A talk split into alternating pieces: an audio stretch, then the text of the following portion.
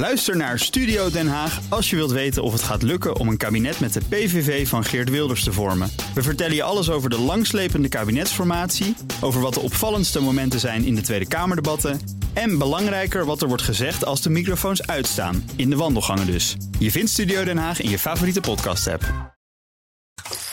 Economenpanel. De nieuwe manier van inflatie berekenen door het CBS zorgt voor verwarring. Was er nou inflatie of deflatie in oktober?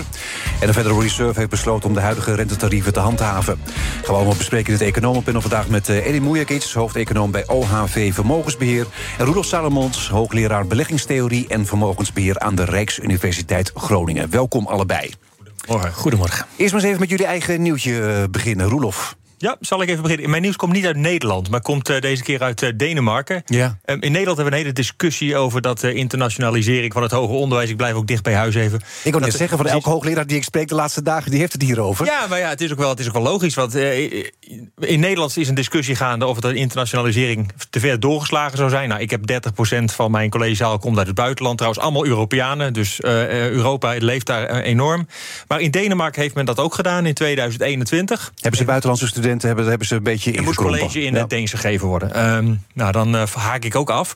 Um, maar goed, men gaat dus nu, is de discussie in Denemarken om dat terug te draaien... omdat ze merken dat ze een uh, schreeuwend tekort aan hooggekwalificeerd personeel beginnen te krijgen. Mm -hmm. Dus ja, ik zou dan zeggen van uh, leren van fouten is goed... Um, leren van fouten van anderen is goedkoper. Dat we in Nederland uh, niet aan gaan beginnen. Maar ja, het is natuurlijk ook een beetje het businessmodel van de universiteiten natuurlijk. Hè? Ik bedoel, de, de, studenten van buiten de Europese Unie betalen meer collegegeld. Ik zou het een businessmodel voor heel Nederland uh, maken. Want uiteindelijk heb je gewoon hoog gekwalificeerd personeel nodig... en positiviteitsgroei om in de toekomst hard te groeien. Ja. Edin, was jouw nieuwtje?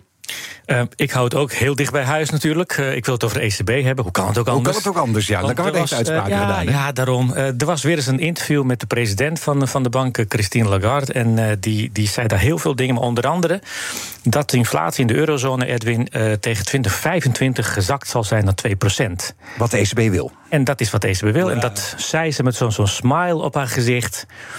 En ik denk, als we dat nou herformuleren, van wat, wat, wat ze in feite zegt is. Uh, wij falen al jarenlang voor onze eigen doel, doelstelling, namelijk zorgen dat de inflatie 2% blijft. En ik kondig nu aan dat we, als alles meezit, ja. tot en met 2025 ook zullen blijven falen. en dat breng je dan met een eerlijk. lach op je gezicht. Het is wel eerlijk om je eigen nou, falen toe te het, geven. Het is wel toch? eerlijk, maar uh, dat is eigenlijk wat er staat. Dus uh, ik kan me voorstellen, als je het leest naar 2% 2025, dat, dat is goed nieuws. Want dan gaan we dus naar waar we met z'n allen naartoe uh, volgens deze zouden moeten willen. Maar er staat in feite uh, nog jarenlang blijven falen. En in dit geval geldt, als zij hierom lacht, dan uh, zijn er heel veel mensen in de eurozone die eigenlijk uh, moeten gaan huilen komende jaar. Nou, zometeen gaan we het nog hebben over de Fed, die vorige week de rentetarieven op hetzelfde niveau heeft gehouden. Laten we het eerst hebben over de inflatiecijfers in Nederland. CBS heeft die vorige week bekendgemaakt. In oktober had Nederland te maken met min 0,4% inflatie, oftewel deflatie. Dat is dan volgens de Nederlandse methode. Als je de Europese methode zou gebruiken waarbij je huis niet wordt meegenomen, dan is er een deflatie van 1% Alleen die cijfers die geven een vertekend beeld. Komt allemaal door een nieuwe berekeningsmethode van het CBS. Want ja, Edin, hebben we nou last van inflatie, deflatie? Wat is het nou? nou er zijn hier twee dingen die je even uit elkaar moet halen. Eén is het vertekende beeld, omdat het Centraal Bureau voor de Statistiek sinds de zomer van dit jaar inflatie anders is gaan berekenen. Volkomen logisch, want ze hebben beschikking gekregen over betere cijfers. Nou, dan moet je die betere cijfers gaan gebruiken. Maar het gevolg voor eventjes is wel dat het vertekend beeld geeft. Als je inflatie op de gebruikelijke wijze zou uh, berekenen, dus zoals dat tot aan de zomer is gebeurd.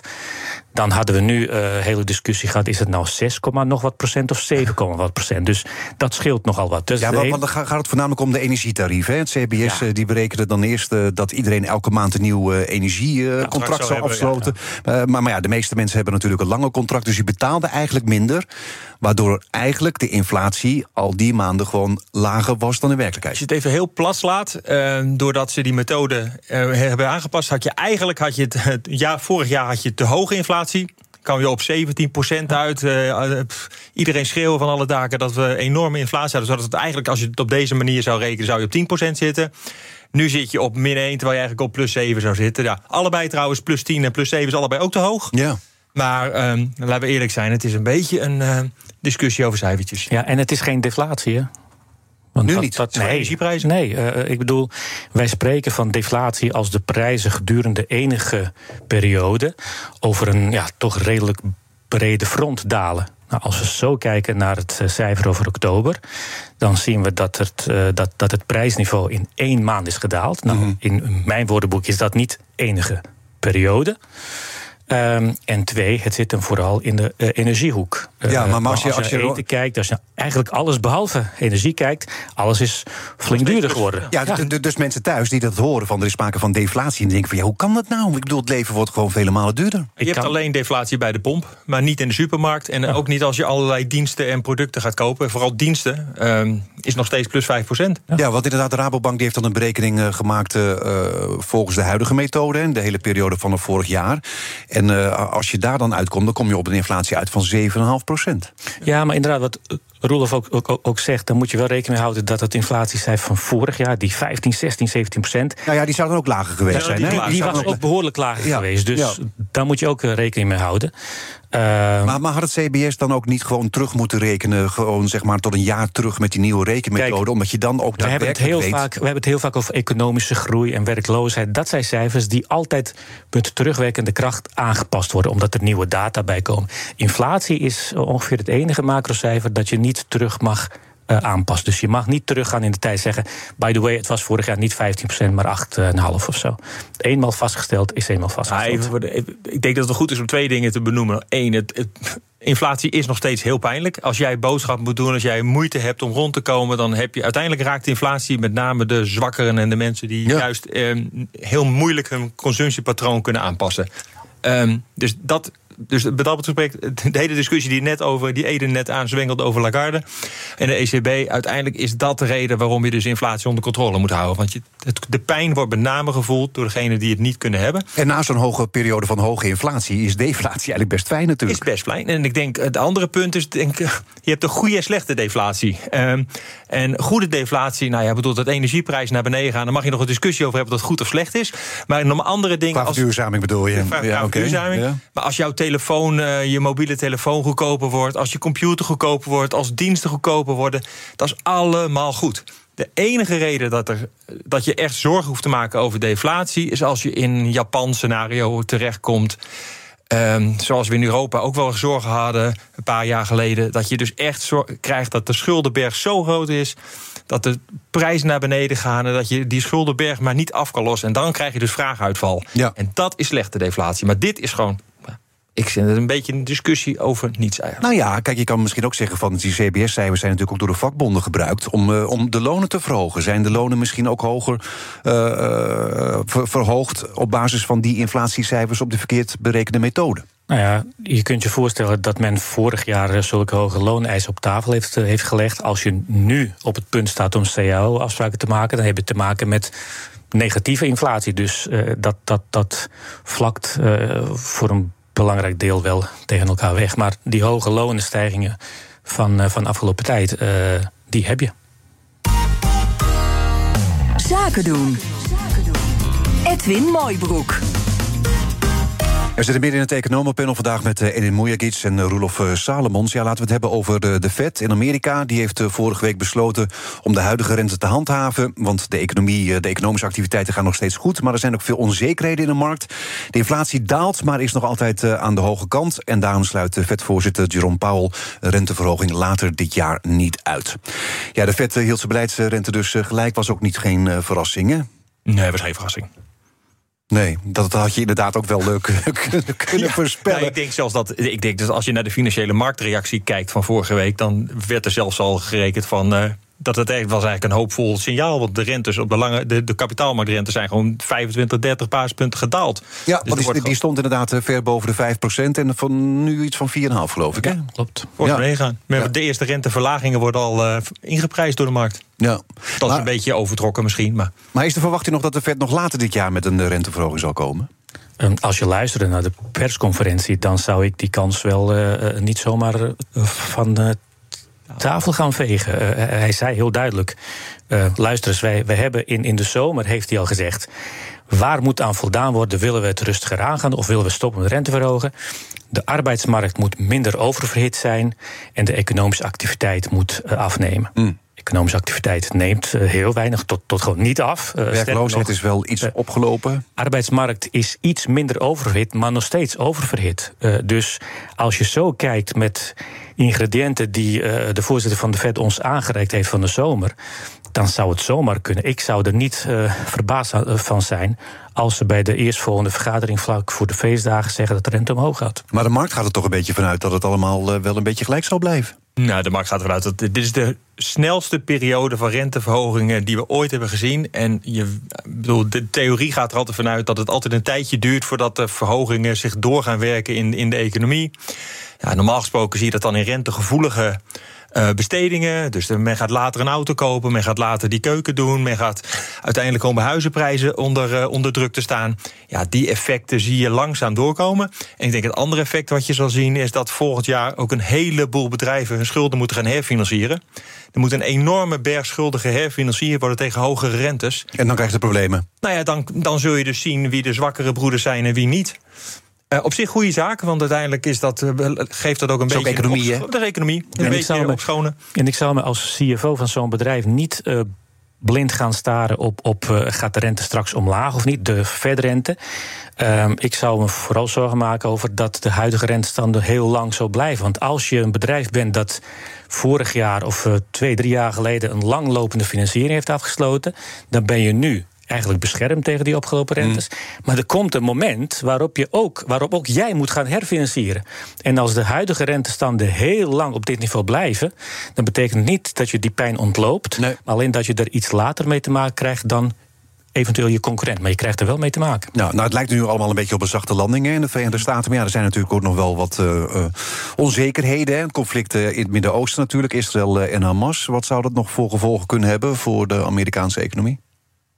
Kijk, normaal gesproken kijken beleggers eigenlijk naar twee dingen. Dat is uh, één, uh, wat gebeurt er met de rente en wat gebeurt er met de groei. En zijn geopolitieke uh, aspecten, hoe pijnlijk en hoe, hoe het ook, ook is, zijn vaak geen redenen voor beleggers om zich heel groot heel veel zorgen te maken. Nee, en inderdaad, maar je hebt ook nog in Amerika natuurlijk een mogelijke shutdown. Hè. Het congres moet het nog eens worden over, uh, over een uh, nieuwe begroting. Ja, als die shutdown dan er komt, vanaf 17 november gaat het allemaal spelen... dan dreigt de kraan dichtgedraaid te worden. Maar, Famous last words misschien, maar dat is een rituele dans... die ieder kwartaal gedaan wordt. En op het laatste moment komt er dan toch nog weer een deal. Dus daar hoef je inderdaad eh, niet zo zorgen over te maken. Nou, het is niet echt iets nieuws voor de markt. En markten die reageren op iets nieuws. Dus, en dit is, uh, dit is naar voor eventjes, maar het kan, het kan niet zo zijn dat er iemand op financiële markten rondloopt die nu voor het eerst meemaakt dat de Amerikaanse uh, overheid eventueel in een shutdown kan gaan. Dus. Het is inderdaad een beetje een rituele dans wat uh, steeds weer uh, voorkomt. Maar laten we nog even kort gaan dan naar de Bank of Japan. Want Japan heeft een stimuleringspakket van ruim 106 miljard euro aangekondigd om de economie te ondersteunen. Je noemde het net al even Japan.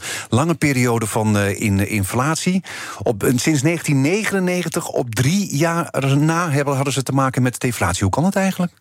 Nou, dit is het punt wat je hebt in 1989 heb je een, een bubbel gehad in financiële markten. Het, het, keizerlijke paleis in, uh, in Tokio was net zoveel waard. De grond daar was net zoveel waard als de hele staat Californië. Ja, dan heb je een bubbel van, van bizarre proporties. Nou, uh, die is gebarsten. Die was gefinancierd met schulden. En die schulden moeten weer terugbetaald worden. En dus zijn Japanse bedrijven 10, 20 jaar lang bezig geweest. En bedrijven en consumenten zijn decennia lang bezig geweest. Niet met winst te maximaliseren, maar met schulden minimaliseren. Mhm. En dus had je vraaguitval. En dat is deflatie, dat is slechte deflatie. Maar nu na 41 jaar hebben ze weer uh, inflatie. Hoera. Die, die Japanners schrikken zich dood, joh. Ja, en ik denk dat je, dat je de mogelijke gevolgen voor ons... Uh, die moet je niet uh, zo, zo snel vergeten. Want kijk, omdat ze 30 jaar lang met deflatie te maken hebben gehad, hebben ze ook 30 jaar lang te maken gehad met zeer laag tot negatieve rentes. Ja. Mhm. Maar ze beleggen wel. Ja. En eh, als je thuis geen rendement kunt halen, dan ga je kijken naar waar kan ik dat wel doen. En dat, waar je dat wel kon, is eigenlijk alles buiten Japan. Dus er is heel veel geld vanuit Japan geïnvesteerd op de Amerikaanse beurzen, Europese beurzen, et cetera, et cetera. Met als reden, ik kon daar wel rendement halen en mijn eigen huis niet. Als je zo kijkt naar de ontwikkelingen in Japan, nu met, dit, met, met, met, met de inflatie, met de Japanse centrale bank die misschien de rente boven de nul gaat brengen. Misschien een beetje terug De lange rentes die zijn gestegen. Ja, dan wordt het interessant om, om in Japan zelf te gaan beleggen. Zeker omdat, kijk, als je als Japanse belegger uh, Amerikaanse staatsobligaties koopt, dan wil je ook geen wisselkoersrisico lopen. Dus je gaat de wisselkoersrisico ga je hedgen, ga je jezelf beschermen daartegen. Maar als het renteverschil tussen Amerika en Japan heel hoog is, zoals nu, dan is dat beschermen eigenlijk zo duur mhm. dat je bijna per definitie geen winst maakt. Nou, als dat zo duur is geworden, terwijl je eigen rente in Japan stukken hoger komt te liggen, dan zou het zomaar kunnen gebeuren dat de Japanse beleggers en masse beslissen om dat geld uit het buitenland naar Japan uh, te halen. Een groot deel van dat geld is belegd in staatsobligaties in Amerika. In Europa? Dus in, en, en in Europa. Dus, dus als zij dat doen, dan zou het hier eerder nog meer opwaartse druk op onze rentes geven, met alle gevolgen van dien. Helemaal mee eens. Zometeen gaan we verder met het economenpanel en dan gaan we het hebben over spaarrentes. Blijf luisteren. We zitten midden in het economenpanel vandaag met uh, Edi Mujakic, hoofdeconoom bij OHV Vermogensbeheer... en uh, Roelof Salomons, hoogleraar beleggingstheorie en vermogensbeheer... aan de Rijksuniversiteit uh, Groningen. De autoriteit Consumentenmarkt gaat onderzoek doen naar een mogelijke concurrentiebeperking op de Nederlandse spaarmarkt. Allemaal op verzoek van de minister van Financiën Sigrid Kaag. Ja, er wordt dus onderzoek gedaan naar de reden waarom eh, banken nog geen hoge spaarrentes eh, bieden. 1,7 is het bij de meeste banken nu ongeveer. Hebben de banken nog wel geld nodig van de spaarders of hebben ze genoeg? Uh, ik denk dat dat het probleem is. Banken hebben helemaal geen spaargeld nodig van mensen. We Nederlanders sparen zich suf. Dus banken hebben geen enkel incentive om hogere rentes door te geven. Want ja, mensen kunnen toch nergens anders heen en willen ook nergens anders heen. Nee, want vroeger was het inderdaad van die banken die wilden dan inderdaad uh, graag eh, geld van de spaarders hebben, konden ze weer uitlenen en zo. Dat is allemaal niet meer nodig. Weet je wat het is? Uh, voorheen was het zo, je moet je als bank ook financieren.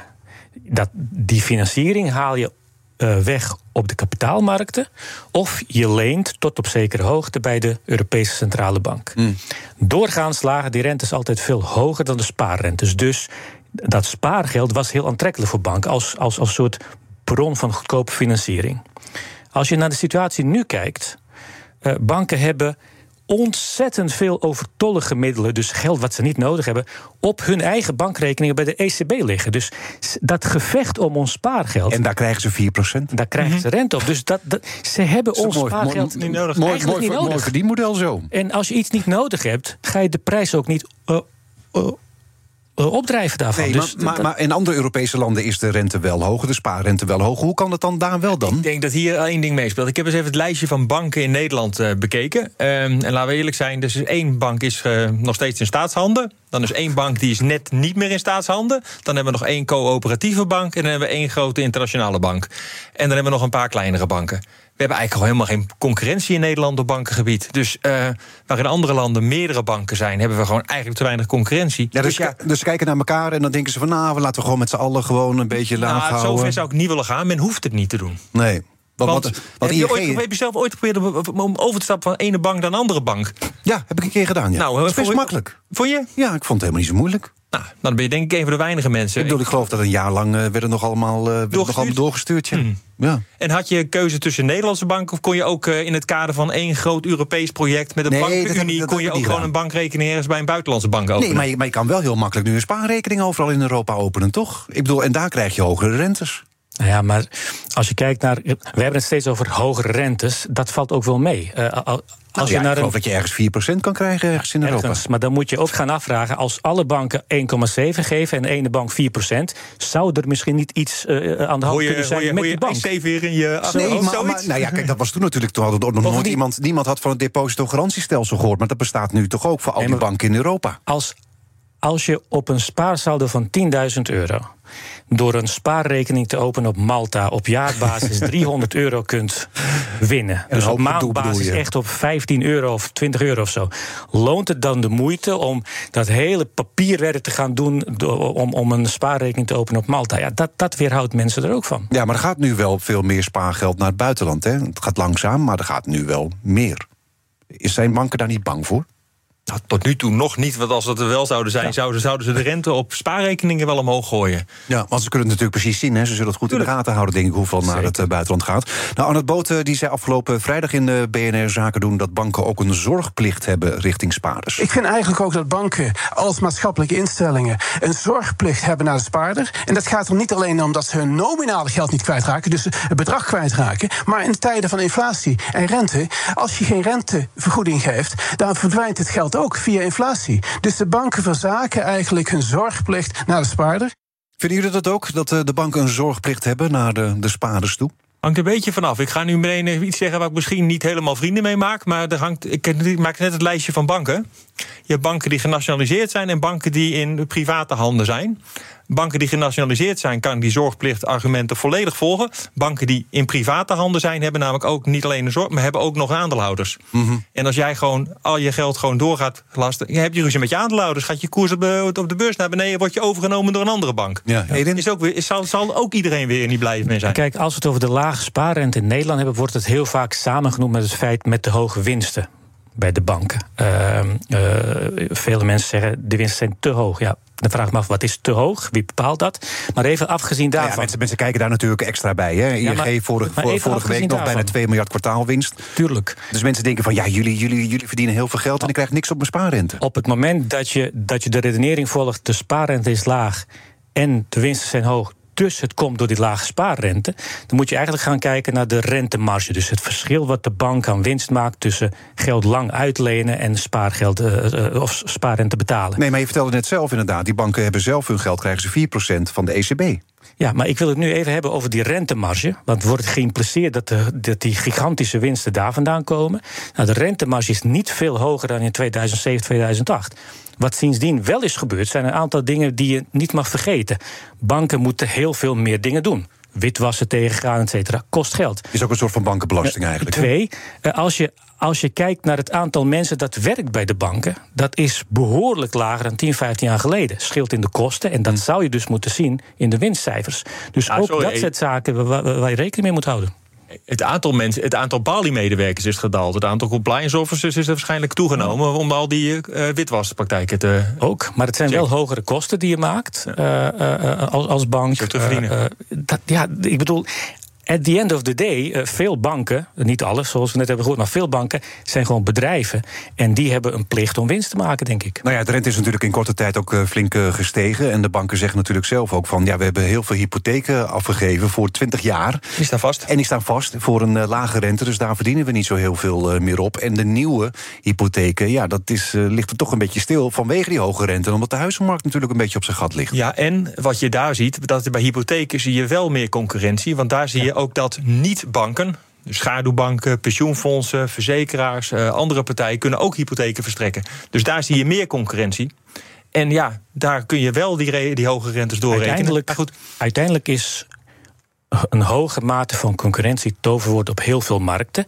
Als je de spaarrente hoger wilt zien, dan moet er meer concurrentie komen. En als je inflatie lager wilt zien, dan moet er meer concurrentie op alle, in alle andere sectoren van de economie komen. Want hoge mate van concurrentie zorgt voor lage prijzen, CQ hogere spaarrentes. Ja, dus eigenlijk moeten er gewoon meer banken bij komen in Nederland.